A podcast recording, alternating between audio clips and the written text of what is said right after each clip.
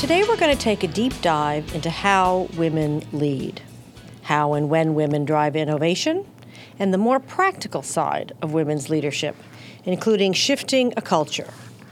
We're also going to talk about what it means to be a woman leader of a department, a company, or a country. How do women wield power? What do women do with power, political or otherwise?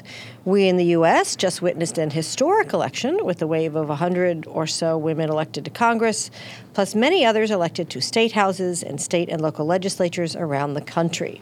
So it's a fitting time to dive into it, and my guest today is the master of women in world leadership. She's been doing it and teaching it for decades, literally wrote the book about it, produced an acclaimed movie about it, and built an organization dedicated to it.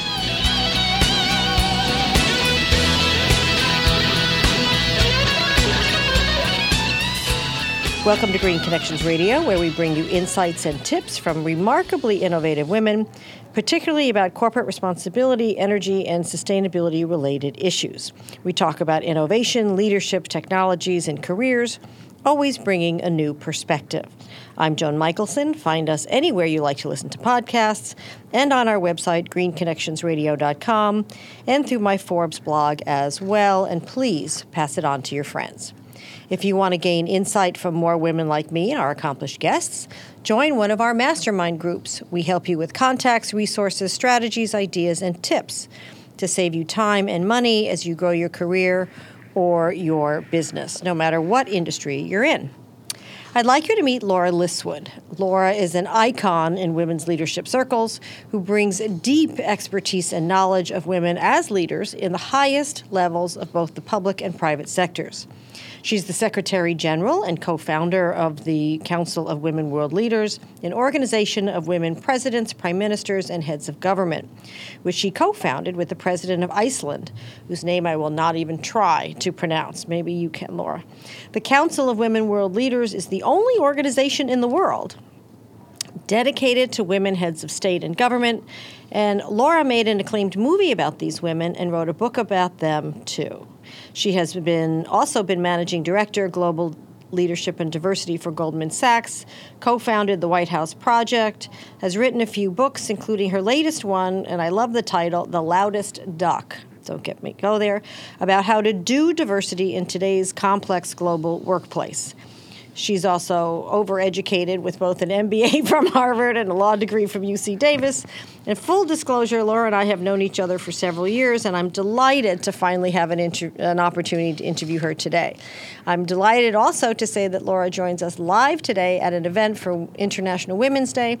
Welcome to Green Connections Radio, Laura, and thank you for being here. Well, thank you, John. It's delightful to see you, and I'm very proud of what you're working on these oh, days. thank you so much. I appreciate that. So, Pew Research said that 38% of countries have had a female leader for at least one year. And while many of us have heard about Theresa May and Ma- Margaret Thatcher of Great Britain, Angela Merkel of Germany, and maybe even Indira Gandhi of India, uh, Corazon Aquino of the Philippines, and Golda Meir of Israel, most have not heard of women who have led Iceland, Norway, Switzerland, and many others. So let's start there. What was the difference in those countries that they elected a woman as their leader? Some countries more than once, like the UK, but it's never happened in the US. Well, it hasn't happened in the U.S., and you know we can sort of probe that.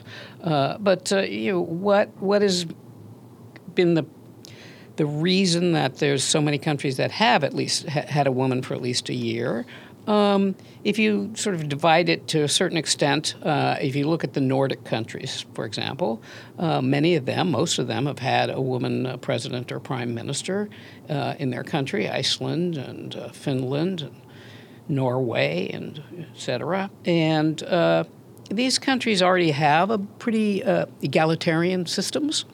And, you know, women and men are pretty well integrated into the economy, into politics. Uh, the laws have always been so much, so much more egalitarian, uh, you know, equality laws, paternity laws, maternity laws, those kinds of things. And a small note, to nod to culture.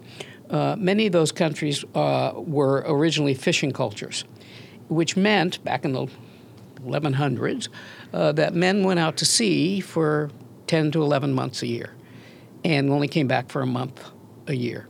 So the women ran everything. They ran the parliaments, they ran the economies, they ran the homes, they ran everything.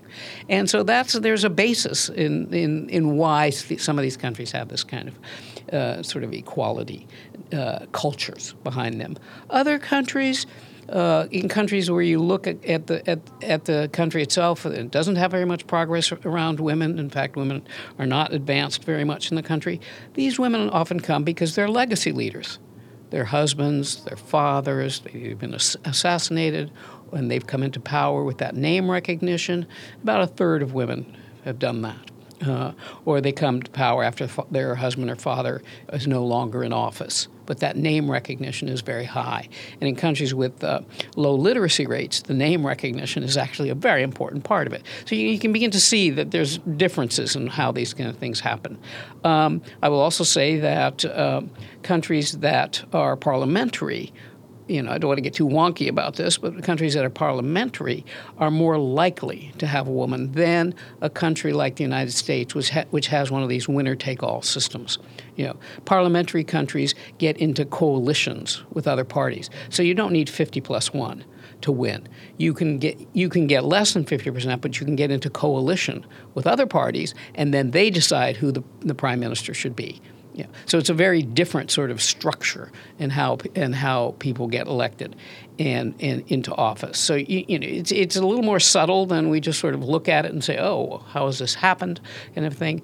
Uh, but in the United States, we have this winner take all system. You know, we've had for a very long time, you know, the, you only you could only be a, a presidential candidate if you'd, you'd been a vice president you know, which we've never had as a woman. If you've been a governor, and there's certainly not so many women governors, if you've been chairman of the Joint Chiefs, and because the uh, combat exclusion rule has only recently been overruled, um, there haven't ever, there's never been a woman who's been commander of the Joint Chiefs, you know, in the military. Uh, you know, uh, so you begin to look and say, well, how many? What's left? out there.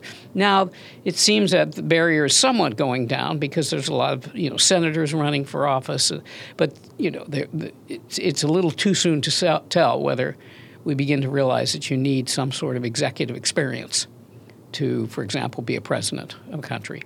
And one more is that in many countries there's both a president and a prime minister. There's you know we we combine the two.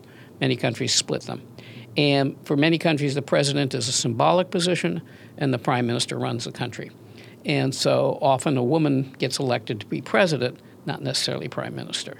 So, you know, it's just, when you start digging and un- unpeeling the onion, you begin to see that, oh, you know, these things are not quite as obvious as we think they are.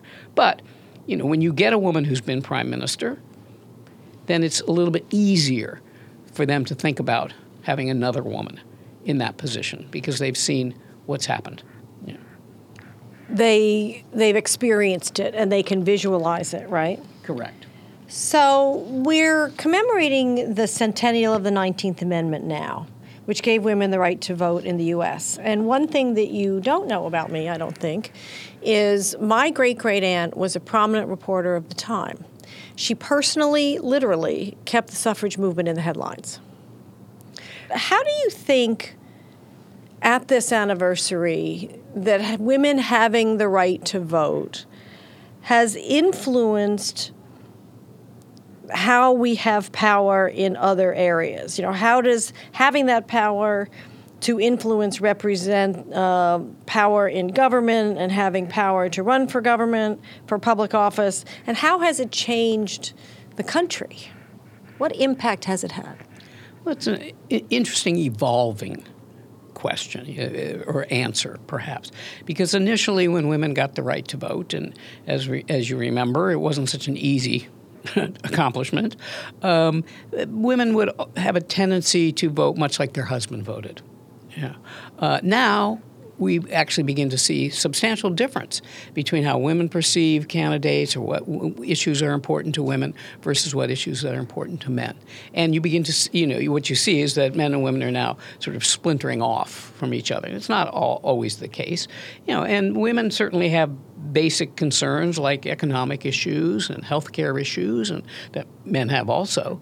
But you know, they're more likely to to, to emphasize those more, and therefore vote more around those kinds of issues. Um, I think that I think in a funny sort of way, women haven't yet fully used our voting power. How so? Well, for one thing, you know, many women still don't vote, you know, for a variety of reasons. You know, um, they may or may not have the same sort of misconceptions about women as leaders as men have, or what the definition of a leader is, or what they think the proper role for women is. You know, there are many women who don't necessarily agree that a woman should be president of the United States. You know, it, it, just because a, a, woman is a woman, we make this fatal, you know, belief that oh, she's going to support women. No, it's just absolutely not the case.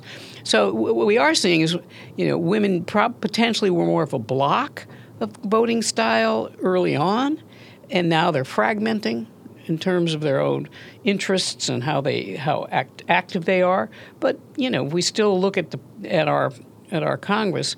You know, yes, we made a giant leap this last election, but we're still way below critical mass, and we're certainly below many other countries. So, do you think that women having the right to vote was the thread that needed to be pulled in order for women to then have economic power and social power? Well, I th- certainly think it was a necessary, but perhaps not sufficient. You know, I mean, if if we could possibly imagine ourselves not having the vote at this point, you know, I, we can't even imagine, imagine it. Yeah, we right. can't even imagine it. Uh, so, without it, I don't think we could accomplish what we're doing. But with it, we've accomplished much, but not as much, I think, as many people thought. You know, and having the vote was a very that was one question that was quite galvanizing, yeah. right? But now these again these issues are fragmented.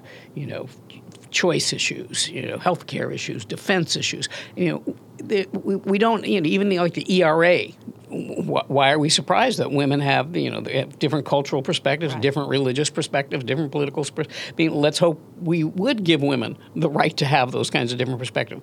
But at the time, it was just you could take all of your energy and say, you have to have this to be a fully participating citizen in the country.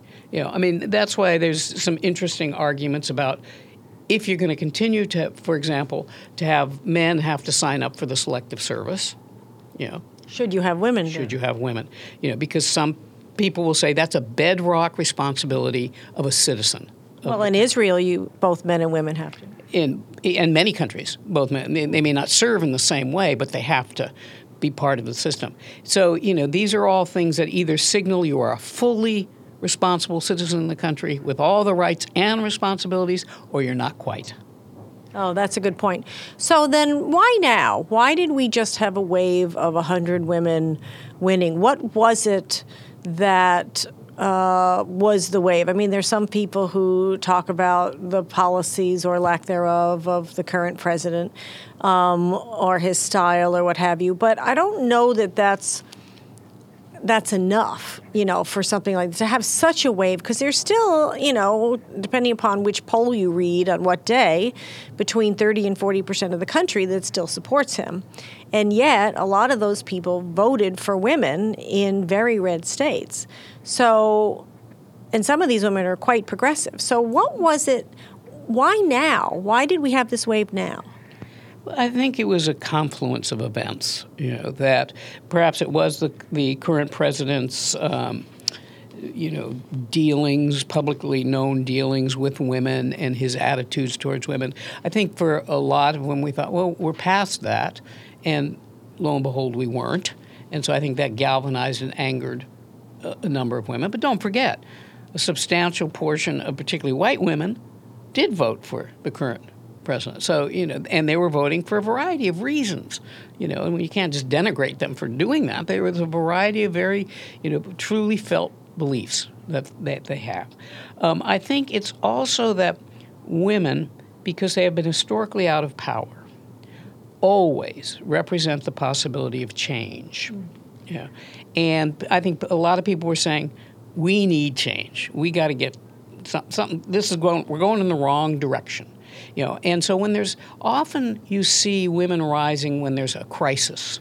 You know, that people are more open to women when there's a crisis. They're thinking, well, you know, we've tried this old way isn't working for us. Maybe this new way will be. And you know, people have called that things like the glass cliff and all of that kind of stuff. I call it the crumbling cliff, which is you know, just when the cliff is crumbling, people say, "Oh, we can try a woman now."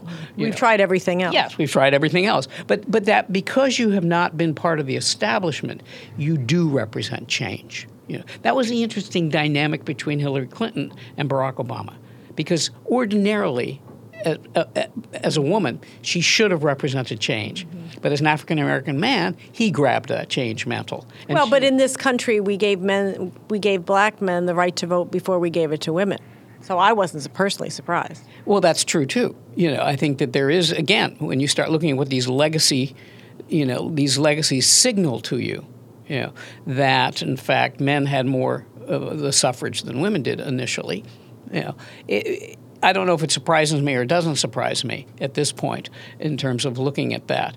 You know, um, there were there were so many factors you know, that play. And I think also there's more resources today, and you and your guests were talking about this in your panel, but there are more resources today for women who want to run for office or who want to explore it. And there's more women working on campaigns as well. So um, we all know, obviously, people are different, but do you think that men and women lead differently, and if so, how? You know, there is some sense that women lead differently than men. Now, it's hard to parse out whether it's because of the gender uh, uh, differences or because the women have been historically in the non-dominant group and men have been historically in the dominant group. And dominant groups have a different leadership style than non dominant groups do. So, non dominant groups are going to have a tendency to uh, be far more aware of they're going to know more about the dominant group than the dominant group's going to know about the non-dominant. I call that the elephant and the mouse. You know, if you're the elephant in the room, what do you need to know about the mouse? Not much. If you're the mouse in the room, what do you need to know about the elephant? Everything. So, you know, that that is a dynamic that goes on women certainly do generally bring different people to the table. It's not because they're they're more noble. It's just that their circles and their networks hmm. are different than men's are. You know, if you're a, a, corporate lawyer in a in a city and you're male, you've got your circle of friends. If you are a doc, a woman doctor, you've got your circle of acquaintances and, and people you know and trust. So you are going to bring different people to the table. Again, not because you're better than, but it's just who you know. Yeah, um, I think there is some notion that women will have will have a tendency to be more collaborative. You know, um, I don't want to go overboard on that because I think again it's about non-dominance. You know, non-dominance. How do you get ahead if you're a non-dominant? You got to make sure everybody's involved. You got to make sure you know you know what all the constituents are concerned about because you don't necessarily have that built-in power to order things to happen. You know, you have to collaborate with other people and get the cooperation of other people. So, you know, are women more empathetic? No, I just think they're more, they're hyper vigilant. You know? So, it, but does that bring a different set of skills to leadership? Absolutely. Absolutely. And it brings a different tone of voice to it, too, I think. You said in the panel that you think that, um, correct me if I'm wrong, that women uh, focus more on stakeholders broadly and men on shareholders, and that women tend to focus on the long term, men on the short term. Um, and that one of the funny things that I thought was interesting, because I tend to be over prepared for things, is that women were more prepared for the boards and that then inspired men to get better prepared. So, talk a little bit about about that dynamic. I mean, obviously, this is a reference to women on boards, on corporate boards, but I think it, it has implications much more broadly, and kind of goes to your collaboration point and to. Um, feeling confident. I mean, I always uh, tell my clients that if you prepare, then you feel more confident and you can field whatever, you feel like you can field whatever happens and you end up thinking more clearly and responding more clearly. Um, but that doesn't mean that you, you can't, um, that other people are not prepared right? So talk a little bit about about that, about how women do it. Well, I think look, I think women have an either an uh, an intuitive sense or absolute knowledge that they have to be better prepared because they're going to be over scrutinized mm. for their mistakes. Okay. And they're allowed to make one mistake while he's, you know, allowed to make many more. Because, you know, just to follow this a little bit, uh, you know, if, if you've got a male boss and who's brought in somebody who's who also is like them, you know, and the, the, that person makes a mistake, they go, "Oh, he reminds me of me when I was young," mm-hmm. you know, kind of thing. A, that's okay. We'll give him another couple of tries. You know, if a woman makes a mistake, it's like, well, you know, we really tried, but she just doesn't have what it takes. We tried having a woman. We tried having a woman. So you know, you either instinctively know this, and so you're prepared because you instinctively know this, but you know that if you say in a meeting, I don't know, you know, somebody asks you a question and you don't have the answer, I don't know, then people give you social negative consequence. For a man who says, I don't know, but I know somebody who does know, and I'll find out. You know, for one thing, men have broader, they have wider and shallower networks. So they do know somebody who knows somebody who can tell them what the answer is. But they can get away with that they don't get social negative consequence. But, but is that a, is that a matter of of having um, composure, having presence, having um, a real uh, how you com- how you com- uh, com- I can't think of the word. Yourself? Yes, how you comport yourself. I mean, if you come in with confidence and you say that's a great question, I don't know, but I'll find out. If you say it with with strength, um, and you've already proved a certain amount of your capability, does it matter whether you're a man or a woman? You know, you've you've already said something. You've said, and you've already established your credibility. Well, so men get to establish that much more quickly. Yeah, they often walk in with it. Yeah. They, they, they walk in with it. They're assumed to be competent until they show they're incompetent. Women are assumed to be incompetent until they prove they're competent. Okay, two totally different things. Completely. Two totally different things. So she knows that. You know, it's it's sometimes I think it's uh, certainly how you convey yourself, your presence is, is very important. But it's that it's that double bind. You know, if a woman comes in being very assertive in her style and, you know, without hesitation and shows how much of an expert she is, men look at that and go, whoa, is a little too aggressive for mm. our, our, style. Been there, done that. Yeah, yeah, yeah of course. I am not telling you nothing that's not exactly what's yeah, happening. Right, right. You know, so she knows she has to walk this narrow bind, bind, this narrow path to being accepted because, you know, as many people have shown, you know, men can be, you know, women can be likable but not considered competent. You know, they can be considered competent but not very likable. Men get to be whatever they want to be studies show that companies with more women in leadership perform better across the board. Financially better governance better customer service better employee engagement et cetera. And most companies talk about diversity and have diversity programs and yet the numbers haven't budged in like 40 years. The World Economic Forum predicts it will take now 202 years to reach gender parity and about 120 years for women to have the same career prospects as men. Okay, this will get your dandruff. So there, and there are only a handful of women Fortune 500 CEOs, and many fewer women in senior leadership on boards than men, et cetera. Why? Why has the private sector not achieved anything close to parity in all these years? Obviously, it's not a pipeline issue, and the motivation is there on some level. What the hell is the problem? well, it certainly is one because, as you've said, you know, at this point in time, with most companies, they don't have an intake problem. They're bringing women, young women in, you know, at a at a, a fairly balanced level. You know, whether you're an associate in an investment bank, whether you're, you know, a consultant, you know, whatever, you're coming in at 50-50 just like you when you were in college. In some industries, it's even more women. In, in some and in some graduate schools, et cetera, it's more women. All right, so that's so that's the intake problem issue. So you can say, okay, companies have done a better job of that, you know, of the recruiting at that level. But what happens when you go up the pyramid? You know, so it's not an intake problem; it's an upgrade problem. Yeah. And then what happens? You know, and some people will say, you know, well, it's because she chooses to opt out or all of that. I'm, I, I find that a, a, an excuse cul-de-sac. You know, because that's the excuse people will use. When in fact, you know, the Catalyst research will show it's because the woman doesn't get line jobs, she doesn't get as much feedback, she's not getting, she may be getting mentored, but she's not getting sponsored. There's a lot of unconscious stereotypes that people have about women. Um, you know, that all of this stuff comes into play in the organization. And the higher up you go, the more discretion you have as to who you choose because now you're into those limited, powerful positions. And people are just more comfortable in the like hiring like situation. Well, and I think also women in leadership sometimes hire men because they don't want to be perceived as only championing women. I mean, it's kind of a weird, weird dynamic. Um, but there are also a lot of women in middle management who want to change careers and go. I mean, they apply for a lot of jobs, right? There's a million of them.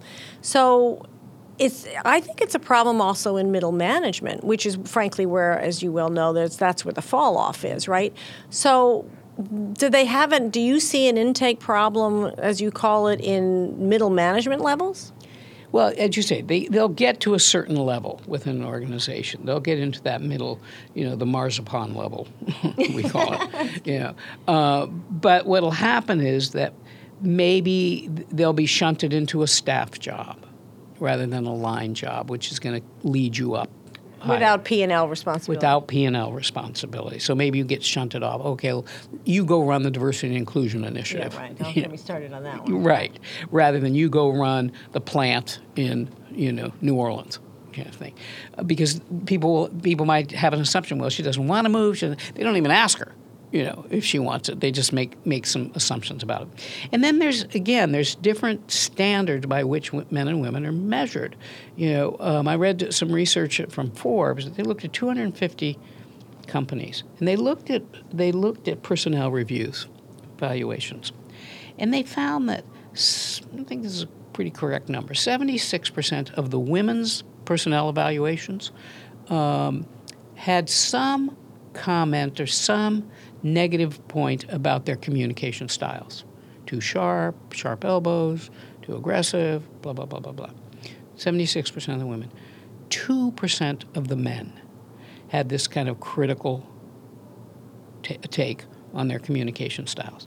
Now, you cannot tell me that all the women have sharp elbows and none of the men have sharp elbows. You just can't tell me that. You know, so what that tells me is that they're evaluating us a, a woman who's strong and assertive in a very different way.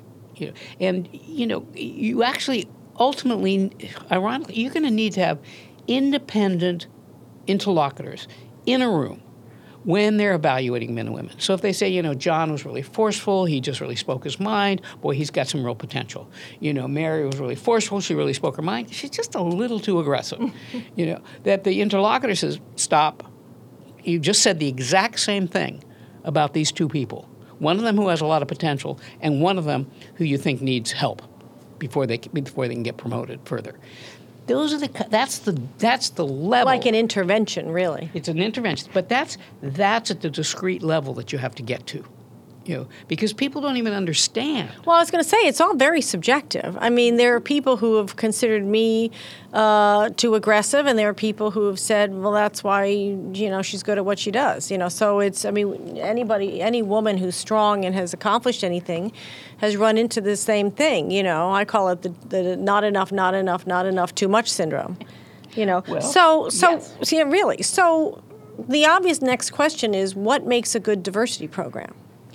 Well, for one thing, it's it's it's not just a diversity program; it's a mindset of understanding what the value of not just the diversity itself is, but what the value of the inclusion, making sure you hear everyone, you know, because you know, I say, it's not just the value of heterogeneity you have to look at. You have to look at the danger of homogeneity. You know, and that's where companies don't look. They don't say, "Oh, what's the danger if we have this homogeneous thinking process? You know, where are we going to what are we? What kind of bad decisions are we going to be making? You know, how do you avoid those kind of bad decisions? You avoid them with heterogeneity. You know. Well, the IMF blamed the financial crisis on groupthink. They made um, groupthink and with homogeneity. and homogeneity, and so so then you have to say, well, what what are our risk management strategies? Mm-hmm. You know, and you know, in this day and age, what are our reputational risk strategies? You know, if Larry Fink sends out a letter, you know, from BlackRock to all his clients saying, "Hey, you know, we're going to evaluate you based on a number of things, including diversity," then companies are going to, you know, they're actually going to listen a little bit more, quite honestly, than if women just say, "Oh, well, diversity is important."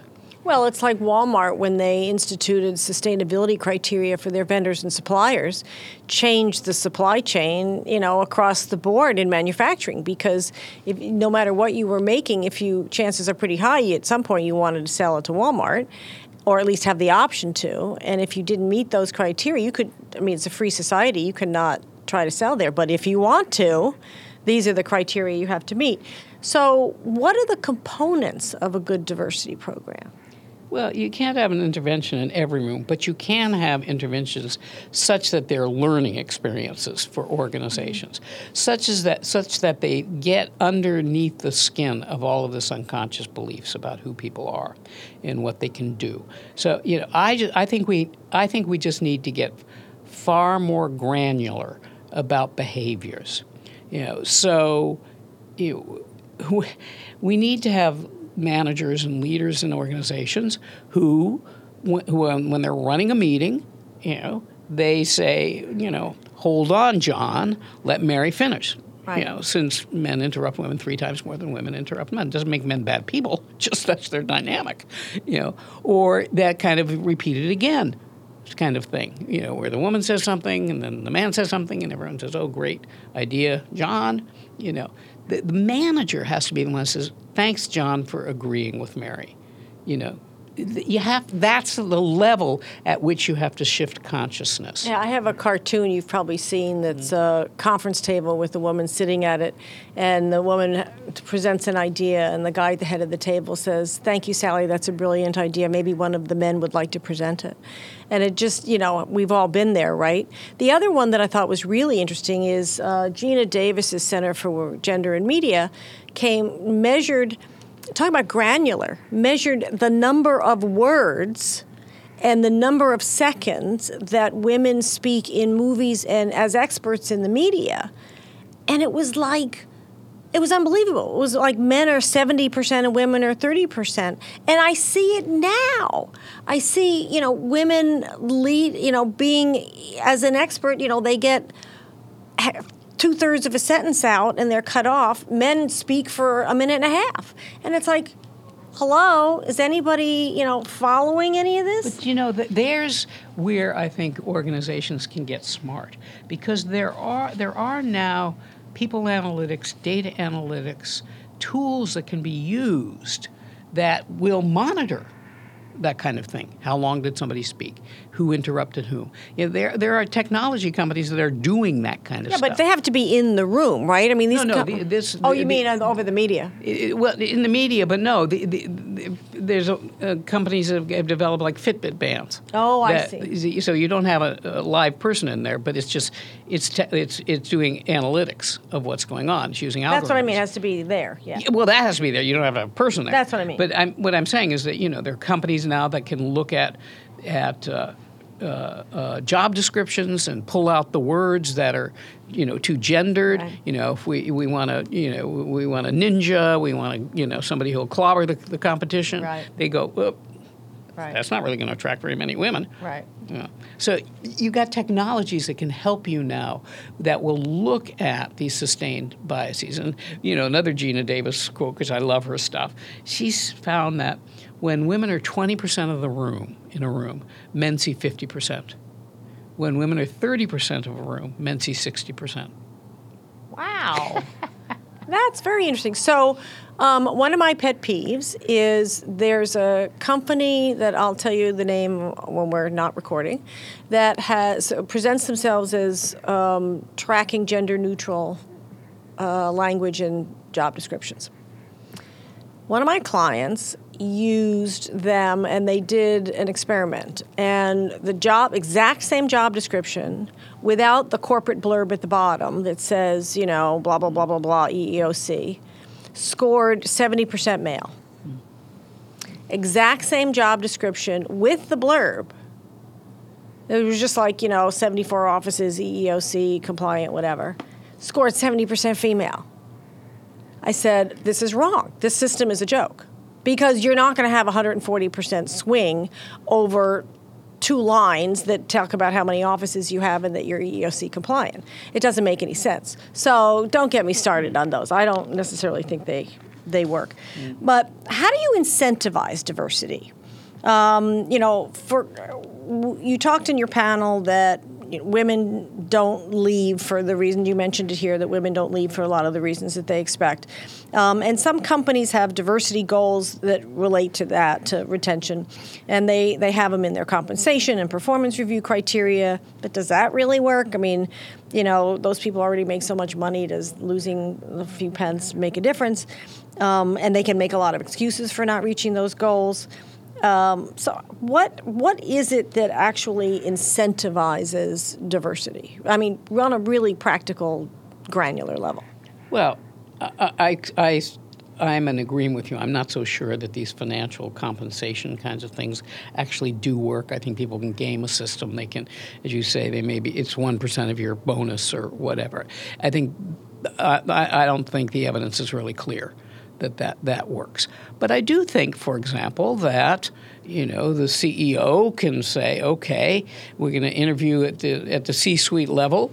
You know, I want to see at least one or two or three, you know, women or minority candidates in the mix. You don't have to necessarily hire them, but they have to be in the mix. You know, um, I want my executive recruiters to bring in the candidates because one of the bigger problems is the lateral hires. You, know, you can bring people in, but it's the lateral hires that are often the problem because the recruiters don't bring in, you know, diverse candidates at that level. They can't find them, quote unquote. You know. Um, Call you or me. We have binders of women. We have binders of women. Yes, as does the senator. Uh, but um, you, so I think it's just one of those things where you say, okay, don't be lazy, you know, about this stuff. You, you just have to take the next step. I mean, some people think that the Rooney Rule works. Some people think the Rooney Rule doesn't work. I happen to think it's a good idea. What's the Rooney Rule? It's for football coaches. That if you're going to hire a football coach, at least one of the of the top three candidates has to be. Um, it used to be African American. I think it might just be have to be a minority. Oh. And what it but does, but if it but you know it makes them see leadership looking differently, right? And the competence looking differently. But they can still just dismiss them and hire the person who looks like them. They can. It's just they're going to have to, you know, for some leaders I know, um, they will ask the question you need to now justify to me why you didn't take hmm. this minority candidate rather than why you took this uh, the, the, the dominant group candidate. You know, there are ways that you can do that. You can just kind of keep forcing the issue. You can keep saying, I need, I need more gender disaggregated data from my diversity and inclusion person. I need to know you know, what the, the, the, example that I gave about personnel evaluations. I need to know are women getting the same feedback as men? You know, I need and, to know, and assignments. I need to know are the assignments being handled in a level playing field? I need to see that. You know, we did that with one company with the, their research assignments. And it turned out the women were getting the medium to small cap, and the men were getting the large cap you know, companies to research. You need to actually go down and dig at that level and say, okay, clearly what we thought was happening is not. You need to say, okay, who who are your go-to people? You know, who do you go to? You know, within your within your team, are they all people who look like you? You better change that. So you know, it's at that behavioral level I think that we need to get to. I've also told uh, some of my coaching clients that eh, when they're offered an assignment they need to not just say yes or no. They need to say, okay, so how will this affect my career? You know, is this is this a, the kind of assignment that somebody gets if they want to climb the ladder and grow, or is this you know a cute little nonprofit project that you know nobody pays attention to and doesn't impact the bottom line? I love nonprofits; they're fabulous, but they don't. They're not career-making assignments. So, uh, speaking. Yeah, just let me add to that though. So Herminia Ibarra of INSEAD, she's great, is a great teacher and a great researcher. She's what she said is that women are not begged to take positions. Now, what she meant by that was she she meant that if, for example, a woman is asked to take on an assignment, you know, a stretch assignment or something, and she says, "Well, you know, I'm just I'm a little worried about my family, and I'm not so sure I can do it. You know, but uh, let me you know let me think about it." And so, but when I'm and they go, "Oh, okay." But then uh, they asked the man, you know, take the stretch assignment you to move. And he said, well, you know, I'm just a little concerned about my family. I'm just not sure if it's good timing. Let me think about it. Oh, please, we really need you. You're the only person who can do this job. This is a job just meant straight for your career. That's what she meant. She said the women are not begged to take the jobs. Oh, that's brilliant. I love that. That's fabulous. So I want to pivot to the woman side of this um, before I let you go, because you and I could talk forever. What would you suggest to a woman who's mid career wants to use her education and her experience to make a difference? She also wants to make more money, be promoted, have challenges, you know, grow on all levels, not just you know, retire into the sunset or uh, do volunteer work. What would you suggest to her about how she go about finding her, her way through and, and making decisions?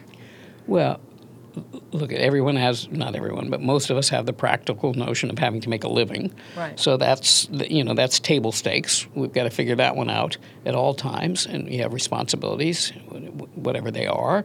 Uh, on the other hand, I would say, particularly as you get further along in your career and you develop skill sets and confidence in yourself, take risks. You know, I would say absolutely follow your passion. You know, what is it that you really passionately want to, to support, you want to change, you want to engage in, you know, and that can be found within your organization already you know, or it may be something that you have to step off and go to another organization if it's feasible to do that. I mean, I, I, also, you know, don't want to sound flippant about it because people have huge responsibilities, and you just can't walk off into the sunset right, exactly. to do something. But you should always keep as your true north. You know what? What is it? My passion is. What is it that is going to make me really energized and really feel like I'm making a difference?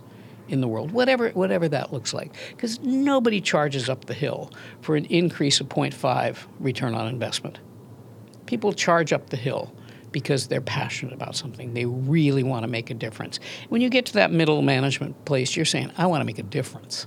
How do I do that? You know, and maybe it is not-for-profit work at some point, and maybe the not-for-profit work can turn into something. You just never know. And be open to the, what the possibilities can be for you. Don't just think, okay, I'm in this middle management position. Now I've got to take this job, and I've got to take this job. You know, as you say, from Mary Catherine Bateson, women are more likely to compose their life. They're more likely to, life is going to look more like a tapestry. Excuse me, it's going to look more like a quilt than a tapestry. You know, there's going to be these different blocks of episodes in your life, and you stand back and you go, wow, that's a beautiful quilt.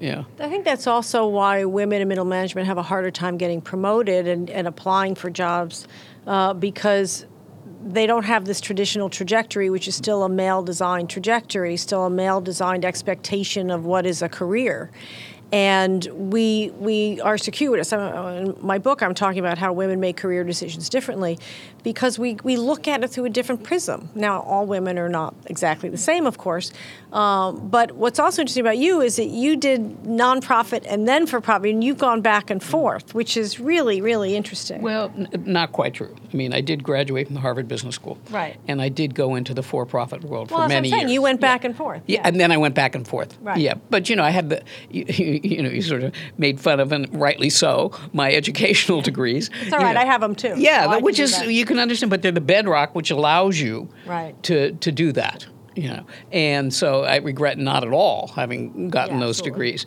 and so it does allow you to go. You know, generally speaking, when young women come to me, I'll say, get the for profit experience first. Hmm. It's harder to go from not for profit to for profit than for profit to not for profit. So try to get your for profit experience, you know, the discipline of it, the, you know, the P&L responsibilities if you, if you get that, but just how companies run things. And then you can go into the not for profit world. Yeah. Um, it's funny. I interviewed Shamina Singh, who I'm sure you know, the president of Mastercard Center for Inclusive Growth, um, and she said she Ann Richards was her mentor. She worked for Ann Richards, which is brilliant. I would have loved to be a fly on that wall and be part of that team. But she said when she asked Ann Richards for advice, Ann said, "Learn how money works." Which I thought was really interesting. That's different than show. That's not show me the money. It's learn how money works. And then she went into the private sector. Um, I just think that's so so totally brilliant. So this is great. Thank you so much, Laura. This has really been great fun. Well, thank you, Joan, and thank you for your curiosity and your interest and you know propelling these issues forward to, to, to your audience. It's it's really important to have people like you doing this kind of thing. Oh, thank you, thank you. That's so sweet of you. I appreciate it. Laura Liswood, Secretary General of the Council of Women World Leaders and a diversity expert extraordinaire. So, do you think women lead differently? Who's your favorite women world leader in history and why? Tweet it to us at Joan Michelson or post it on our Facebook page and like the page while you're there. And ask to join our new private Facebook group or email it to us at info at greenconnectionsradio.com. Find us online anywhere you like to listen to podcasts iTunes, Spotify, iHeartRadio, and on our website, greenconnectionsradio.com. And if you want to gain insight from more women like us, join one of our Green Connections mastermind groups where we'll help you with contacts, resources, strategies, ideas, and tips to help you grow your business or your career. I'm Joan Michelson. Thank you for joining us. See you next time. Check out some podcasts from one of our new sponsors. About a dozen great shows focused on lifestyle industries on Mouth Media Network with top brand executives, industry leaders, and innovators in fashion, beauty, travel, real estate, content creation, and even spirituality industries, and more. Check out Mouth Media Network, powered by Sennheiser, on iTunes, Google Play, and at mouthmedianetwork.com.